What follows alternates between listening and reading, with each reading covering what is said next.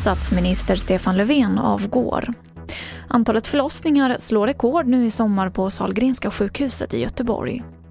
Och en extrem värmebölja råder i USA och Kanada. TV4-nyheterna börjar med att statsminister Stefan Löfven avgår och talmannen tar över försöken att hitta en ny regering. Det här sa statsministern på en pressträff idag.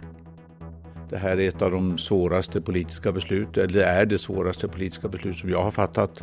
Några menar att det kanske går att fatta sådana beslut snabbare. Jag tycker att eh, när Sverige är i ett svårt läge då tänker jag agera så, så, med så väl eh, underbyggda eh, argument som det någonsin går att hitta. Och det här är mycket komplicerat men under helgen så, så framstod det klart att för landets bästa jag, jag, är helt övertygad om att människor förväntar sig att vi som har blivit förtroendevalda, att vi ska hantera en sån här situation. Och jag tycker med, med viss rätta att man kan kräva det. Därför att vi är en, fortfarande kvar i en pandemi. Vi vet inte hur utvecklingen blir i höst eh, och då tycker jag att eh, Sveriges bästa går först.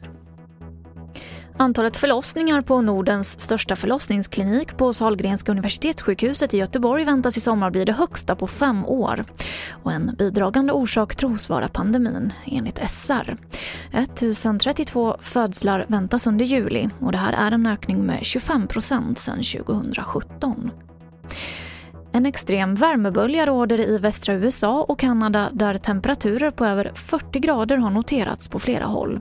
Och det väntas bli ännu varmare.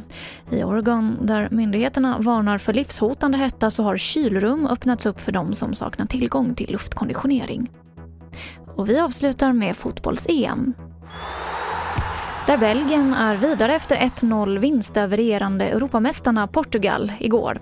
Även Tjeckien är vidare sedan man slagit ut Nederländerna efter 2-0 och i kvartsfinalerna möter Belgien Italien och Tjeckien ställs mot Danmark. Och nästa gång Sverige spelar är imorgon då de möter Ukraina. Och det var det senaste från TV4 Nyheterna. Jag heter Emily Olsson.